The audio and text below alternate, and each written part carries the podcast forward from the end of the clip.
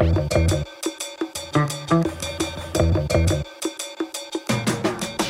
Stad Gent kreeg de afgelopen weken te maken met twee zeer ernstige gevallen van seksueel geweld. Een vrouw van 26 werd teruggevonden in een park nadat er iets in haar drankje werd gedaan en een meisje van 18 deed aangifte van een verkrachting in de toiletten van een café. Wat is er aan de hand in Gent? Wat weten we over daders van dit soort extreme geweld? Wat beweegt hen ertoe dit soort feiten te plegen en hoe kunnen ze gestopt worden? Mijn naam is Dries Vermeulen. Dit is duidelijk. Duidelijk, de morgen.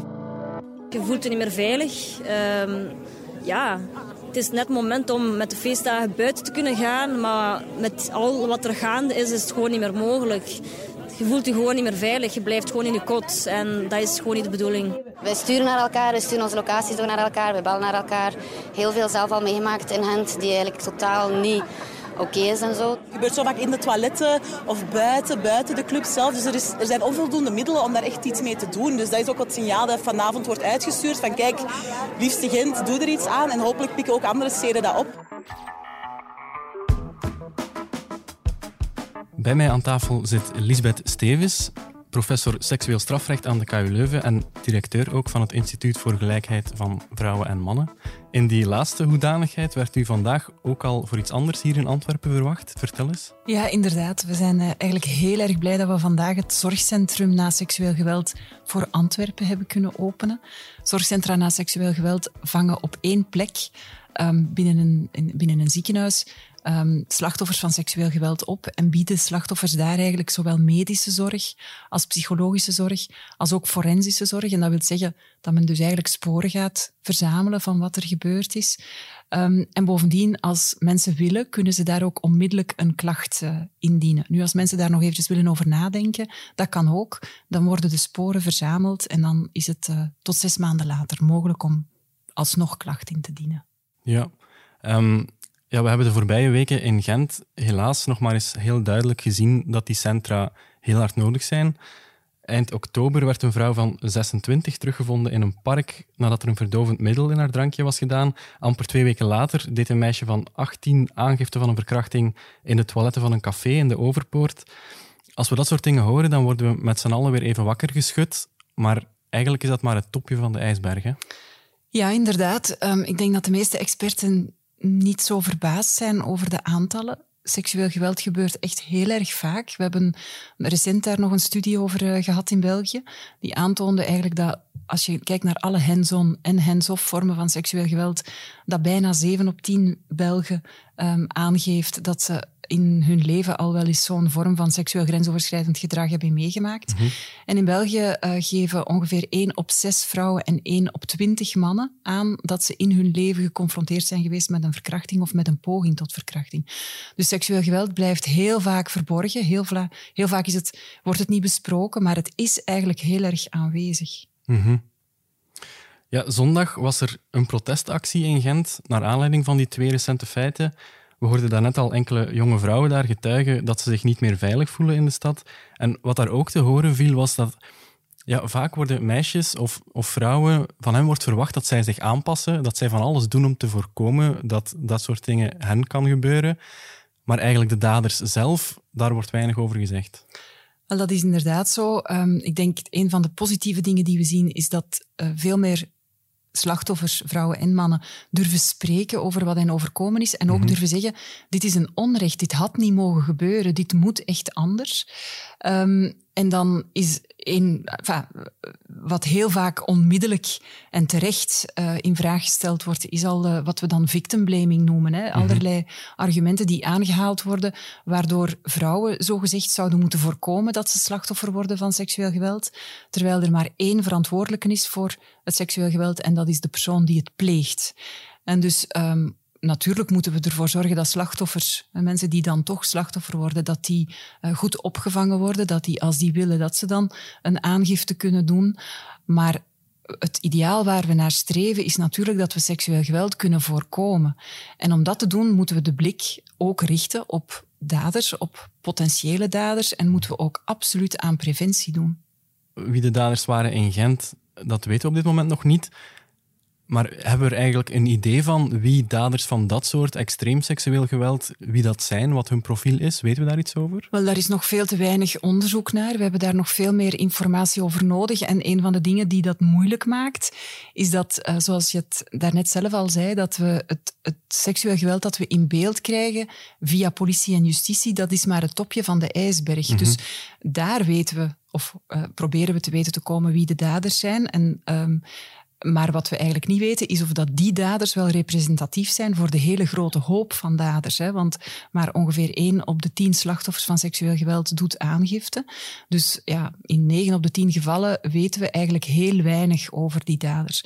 Nu, wat we daar dan in onderzoek over weten, is dat in ongeveer één op de twee gevallen van seksueel geweld is de dader een bekende van -hmm. het slachtoffer. Dus onze klassieke opvattingen of stereotype opvattingen van uh, ja, een vieze oude man die uit de bosjes springt en uh, een, een jonge vrouw overvalt. Uh, helaas bestaat dat ook als vorm van seksueel geweld, maar de meeste gevallen van seksueel geweld zien er heel anders uit. Hè. Is, is, heel vaak gaat het om een vriend of een, een buur die iemand ja, dwingt, zonder al te veel fysiek geweld, maar dwingt om bepaalde seksuele handelingen te ondergaan of te stellen.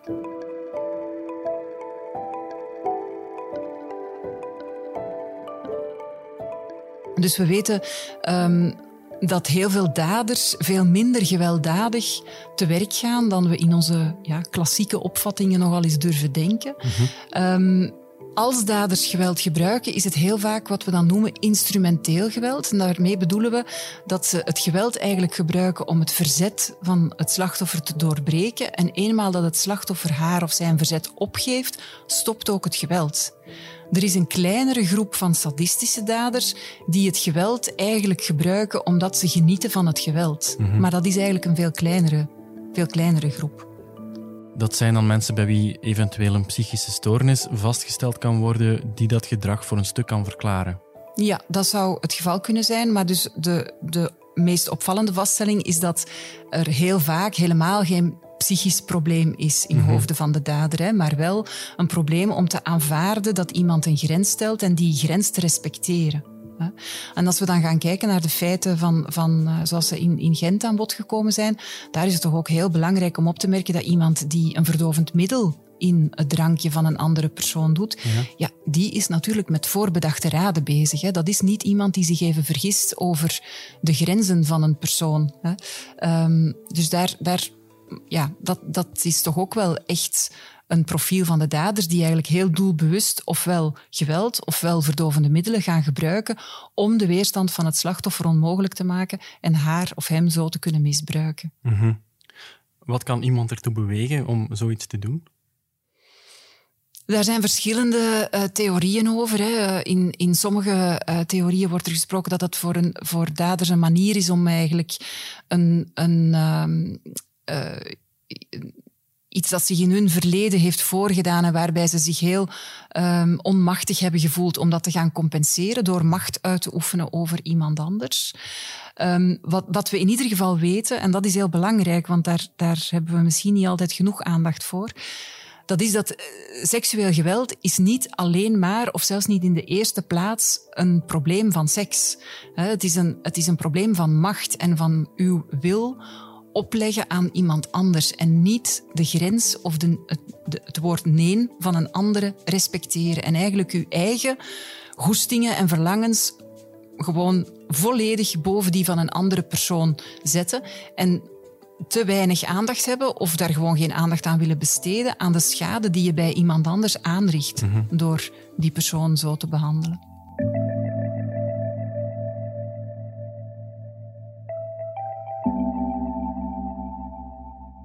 Als het een machtsspel is, ligt er dan ook vaak een vorm van misogynie aan de basis? Wel, dat hangt een beetje ervan af van wat uw definitie is van vrouwenhaat, hè, van misogynie. Um, in ieder geval iemand die doordrongen is van het idee dat elke mens, ongeacht geslacht, het recht heeft om te beslissen wat er met haar of zijn lichaam gebeurt.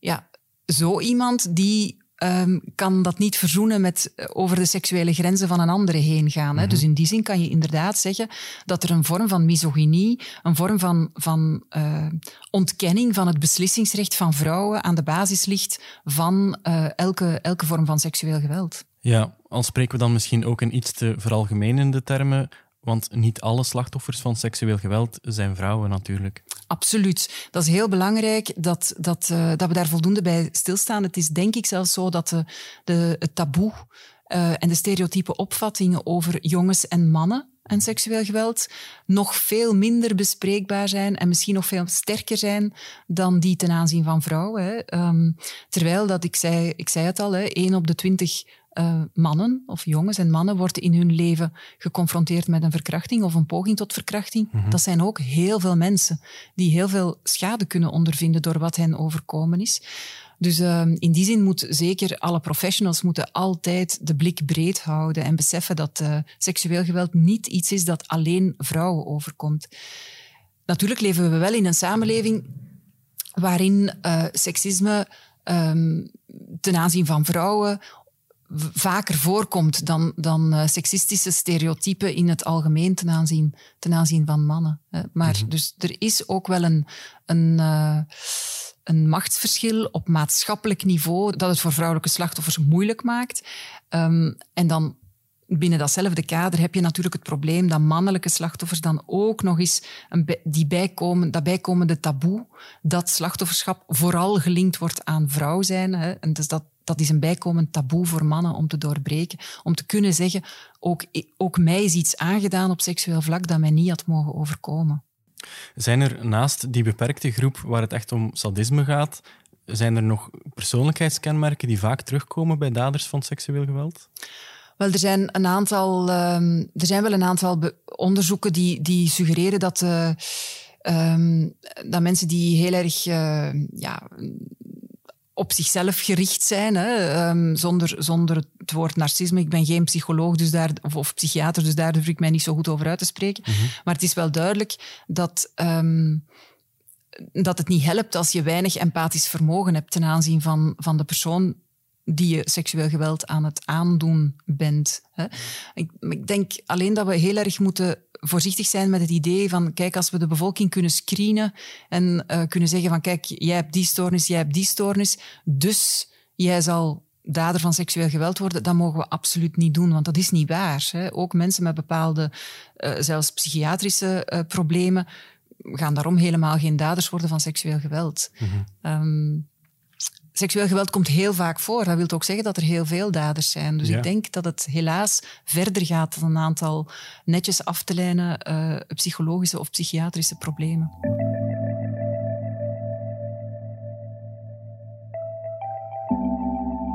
We gaan even terug naar Gent.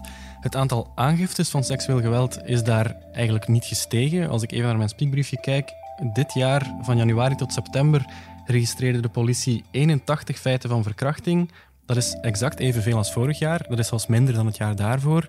En toch heeft de politie onlangs laten weten aan de horeca-uitbaters in de Overpoort bijvoorbeeld we merken dat er een probleem aan het groeien is. Meisjes worden vaker lastiggevallen, bijvoorbeeld in die toiletten.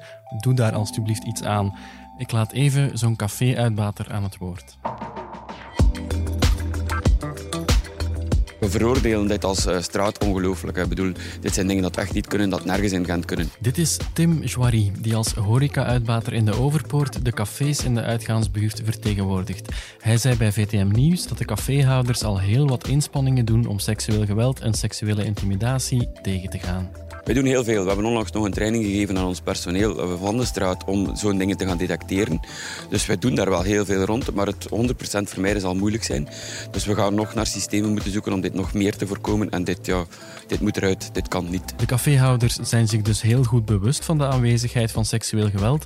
Maar dat het specifiek het Gentse uitgaansleven is dat met een probleem zit, dat wil Joiry niet gezegd hebben. Ik denk het niet. Uh, zeker niet in het algemeen, maar ik zie wel dat er bepaalde mensen uh, wilder lopen, heftiger lopen. En ik denk dat dit komt door corona. Mensen zijn het niet meer gewoon van uit te gaan, mensen zijn het niet meer gewoon van rond te lopen. En sommige grenzen zijn een beetje vervaagd. Ja, professor Stevens, die laatste quote, dat is bij mij een beetje blijven hangen. Ik heb die al vaker gehoord van andere mensen ook. Die decompressie na de lockdowns, die wordt nu aangehaald als mogelijke verklaring voor uh, een stijging in seksueel geweld. Mhm. Ja, dat verschuift natuurlijk de verantwoordelijkheid weer van de daders naar de omstandigheden. Ze zijn gewoon een beetje gefrustreerd door corona. Kunnen daders van dit soort extreem geweld gewoon studenten zijn met seksuele frustratie? Want ik denk dat we heel voorzichtig moeten zijn met dat argument. Ik wil allereerst opmerken dat het zo ontzettend belangrijk is dat ook de horecasector zelf dit een belangrijk probleem vindt en daarmee de strijd mee wil aanbinden. Ja, zeker.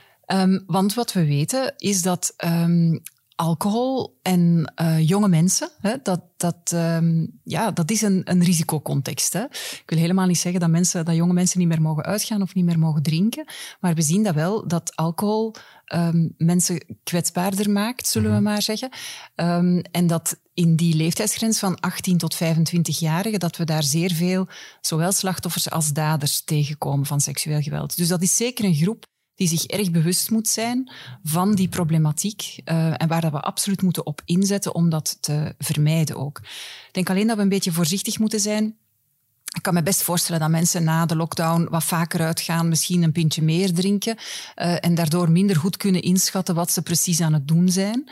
Maar we moeten alleen voorzichtig zijn om daar al te gemakkelijk in mee te gaan. Iemand die een verdovend middel in het drankje doet van iemand anders, dat is niet iemand die per ongeluk uh, wat te enthousiast is geweest. Hè. Mm -hmm. We spreken hier ook niet over, over um, betastingen of zo. We hebben het hier echt wel over slachtoffers die, die uh, mogelijk verkracht zijn. Hè? Dus dat, is, dat gaat toch over zeer ernstige vormen van seksueel geweld, uh, waarbij dat je minstens kan vaststellen dat als er dan uh, over grenzen heen gegaan, of, of, dat, of dat men wat te enthousiast is, dat men wel zeer ver over de grenzen van het gangbare heen is gegaan. Mm -hmm. Dus ik zou dat argument, of, of dat idee van um, mensen leven zich wat fel uit, ik zou daar heel erg voorzichtig mee willen zijn.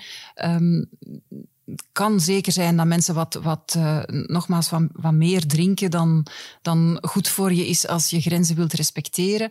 Maar om vandaar dan te springen naar en dus uh, wordt er meer verkracht, dat is echt wel een beetje te kort door de bocht. Um, en nogmaals, zeker als mensen um, een onbekende vrouw in de toiletten lastigvallen of uh, een, een verdovend middel gebruiken, ja, dan spreken we toch over heel ander soort feiten. Dat gaat niet over mensen die wat te veel gedronken hebben. Dat gaat over mensen die heel doelbewust uh, op zoek gaan naar een slachtoffer en die persoon uh, op een moment dat ze misschien kwetsbaar is, omdat ze ook zij misschien wat te veel gedronken heeft, um, ja, proberen aan te randen of ergeren.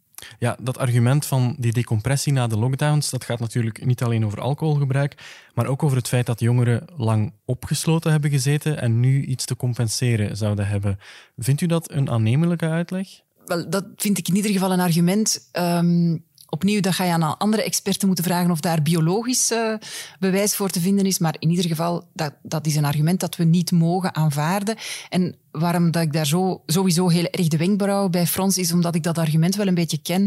Ik heb dat ooit uh, in mijn lessen genoemd, het, het stoomketelargument voor de mannelijke seksualiteit. Hè. Alsof een man uh, iets is dat opwarmt en dan op een bepaald moment moet fluiten, want uh, de stoom moet ontsnappen, alsof de mannelijke seksualiteit zo stereotyp zou zijn. Ik vind dat eigenlijk een ernstige belediging voor heel veel jonge mannen die zich heel netjes gedragen in het uitgaansleven leven. Mm -hmm. um, en diegenen die niet de grenzen respecteren van een ander, kunnen zich daar eigenlijk, wat mij betreft, ook absoluut niet op beroepen.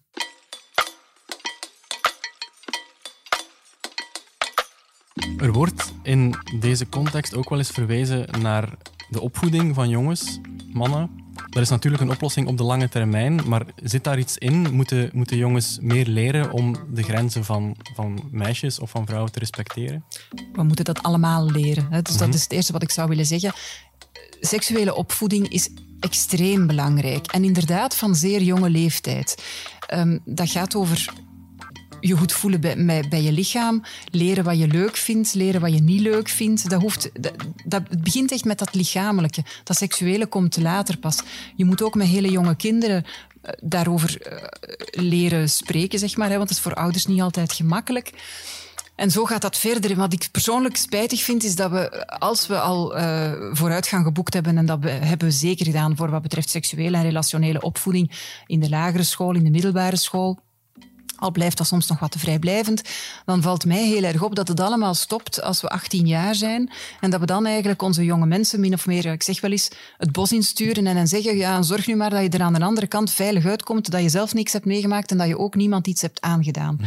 En dat vind ik uh, heel uh, problematisch. We moeten echt ook met die jongvolwassenen in gesprek gaan. En natuurlijk moeten we zowel met meisjes als met jongens en zowel leren mensen um, uh, om hun grenzen te benoemen als mensen leren om grenzen te respecteren. Het is mhm. heel belangrijk dat we over seksueel geweld niet altijd denken in termen van een meisje dat aangerand of verkracht wordt door een jongen.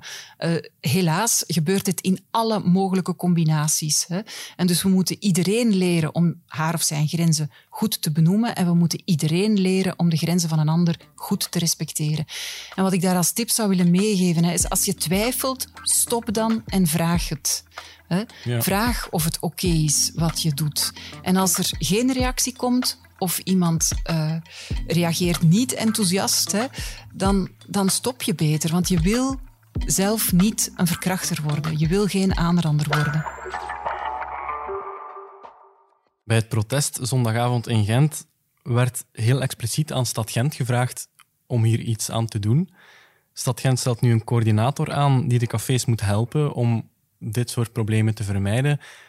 Wat kan een café of een café-uitbater doen om seksueel geweld in zijn zaak te voorkomen? Wel, ik, uh, ik heb begrepen dat er in Gent en ook in andere steden al heel interessante dingen gebeuren. Hè? Dat men pro bijvoorbeeld probeert om ervoor te zorgen dat er so meer sociale controle mogelijk is, doordat de, de, de, toiletten bijvoorbeeld niet ergens in een donker hoekje liggen en zo. Mm -hmm. um, het, de opleiding van mensen die achter de baar staan en buitenwippers is ook enorm belangrijk, zodat men als iemand dat aankaart, hè, van kijk, ik denk dat er hier iemand is met een probleem, dat dat niet wordt weggewuifd, dat daar op ingegaan wordt en dat men zorgt dat zo iemand veilig is.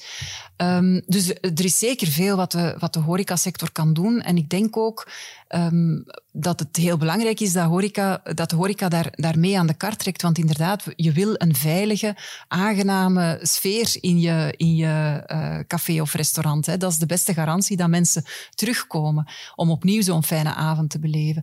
Um, maar we moeten niet naïef zijn. Het, het is natuurlijk niet... Kijk, iedereen moet meewerken om een veilige samenleving te maken. Als um, er geen donkere hoekjes meer zullen zijn in het café, er zullen altijd nog donkere hoekjes buiten het café zijn. Hè? Dus mhm. het is, het is echt niet alleen de verantwoordelijkheid van de horecasector. Um, we moeten echt allemaal mee, um, mee ons bewust zijn van het feit dat er uh, heel veel seksueel grensoverschrijdend gedrag is en dat wij als omstaanders ook wel echt dingen kunnen doen. Hè?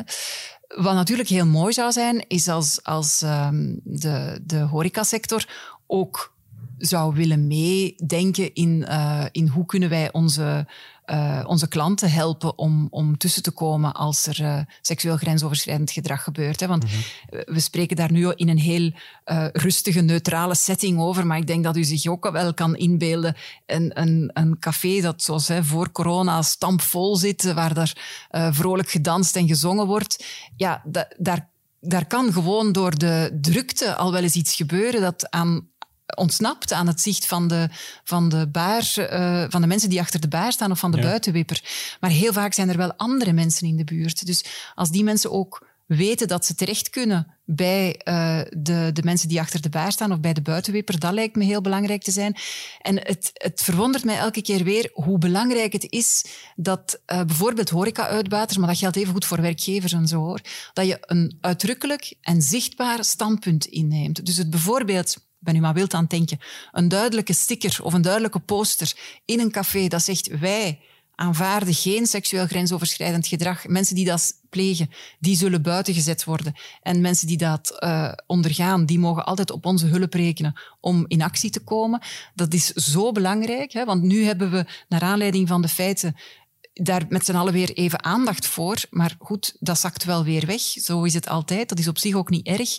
Maar zo'n zichtbare, zo'n zichtbaar signaal van dit is onaanvaardbaar in um, dit café, mm -hmm. dat lijkt me een, een heel interessante uh, manier te zijn om eigenlijk altijd opnieuw iedereen in dat café eraan te herinneren dat seksueel grensoverschrijdend gedrag daar geen plaats heeft.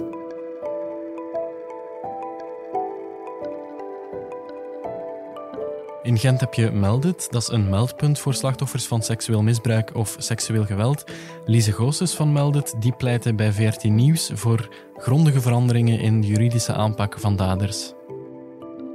1 op 3 vrouwen tussen 15 jaar en 65 heeft al een, een aanranding of een verkrachting meegemaakt. Dus dat is, en er zijn naar schatting 100 verkrachtingen per dag in België, waarvan er 8 à 9 worden aangegeven.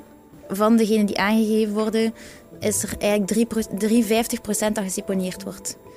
Dus dat is ook al iets dat... Allez, het is, er heerst ook het idee dat als een zaak geseponeerd wordt, dus waar, allez, bij gebrek aan bewijzen vaak, um, dat het dan lijkt alsof dat de dader onschuldig is.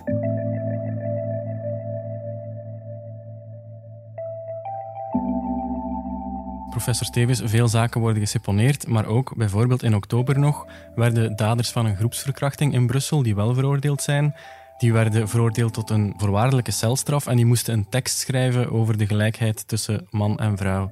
Begrijpt u dat dat op mensen overkomt als straffeloosheid? Ja, dat begrijp ik zeker. Ik denk wel dat we daar um, genuanceerd moeten over. Het spijt mij dat ik weer voor nuance moet pleiten, maar bijvoorbeeld seponeringen, het feit inderdaad de helft van de zaken die aangegeven worden, worden op dit ogenblik geseponeerd omwille van uh, onvoldoende bewijs. Dat is een van de redenen waarom we zo hard inzetten op die zorgcentra na seksueel geweld en waarom er ook een aantal heel interessante projecten, onder andere in Antwerpen, lopen om precies um, voor betere bewijsvinding te zorgen, zodat er meer bewezen uh, kan worden en er meer veroordelingen kunnen volgen. De volgende vraag is dan natuurlijk, wat doe je dan met daders die veroordeeld worden? En dat is, mhm. het, het cynische daaraan is natuurlijk, en dat weten we ook uit onderzoek, dat slachtoffers ja, die krijgen eigenlijk door wat er gebeurd is vaak een, een soort van ja, denkbeeldige, hele zware rugzak aangegespt, met hele zware stenen in. We moeten er alles aan doen om uit die rugzak zoveel mogelijk stenen uit te halen, zodat het draaglijker wordt. Maar die rugzak zal er waarschijnlijk wel altijd een beetje blijven. En dus in die zin ervaart de samenleving dat, dat een slachtoffer voor het leven getekend is. En daar staat tegenover dat als je dan hoort dat een dader een, een voorwaardelijke straf krijgt, um, geen dag in de gevangenis moet doorbrengen, um, dat het lijkt alsof zij ja, daar eigenlijk helemaal geen gevolgen van ondervinden. Ja. En de, die, die, dat evenwicht lijkt zoek te zijn. En ik denk dat dat eigenlijk een opdracht is voor ons als samenleving en voor de mensen van het strafrecht heel in het bijzonder, om te gaan zoeken naar hoe kunnen we tegemoetkomen aan die, denk ik, terechte vraag van de samenleving, dat er dat, dat er een langere uh, een langer effect is van wat de dader uh, gedaan heeft. Zonder dat ik zelf geloof in het nut van langere gevangenisstraffen. Ik denk dat dat een illusie is en dat is een moeilijke boodschap, maar het is niet zo dat langere gevangenisstraffen ervoor zorgen dat mensen die uit de gevangenis komen, um, ja, betere mensen geworden, geworden zijn. Dus we moeten ook uh, bij seksueel daderschap op zoek gaan naar de juiste aanpak. en de juiste aanpak is dan iets, een aanpak die ervoor zorgt dat de samenleving zich gerespecteerd voelt op het vlak van, van de sanctie die opgelegd uh, wordt. Dat de boodschap inderdaad wordt uitgezonden. Dit gebeurt niet straffeloos. Mhm. Als je seksueel geweld pleegt, we gaan je vinden, we gaan je vervolgen en je gaat daar een straf voor krijgen. Maar ook een aanpak die ervoor zorgt dat daders van seksueel geweld die niet allemaal seksuele monsters zijn, want dat is die andere stereotype opvattingen, dat daders van seksueel geweld, dat dat, dat, dat monsters zijn. Wel, um, heel vaak is dat niet zo. Heel vaak is dat een heel gewone student, een heel gewone buurman, een heel gewone vader. Hè. Mm um, en om een juiste aanpak te hebben, moeten we ook een aanpak hebben die ervoor zorgt dat die mensen, als ze terug deel uitmaken van de samenleving, dat ze dat op een betere manier kunnen doen. En dus um, daar hebben we nog werk, dat is zeker waar. Mhm.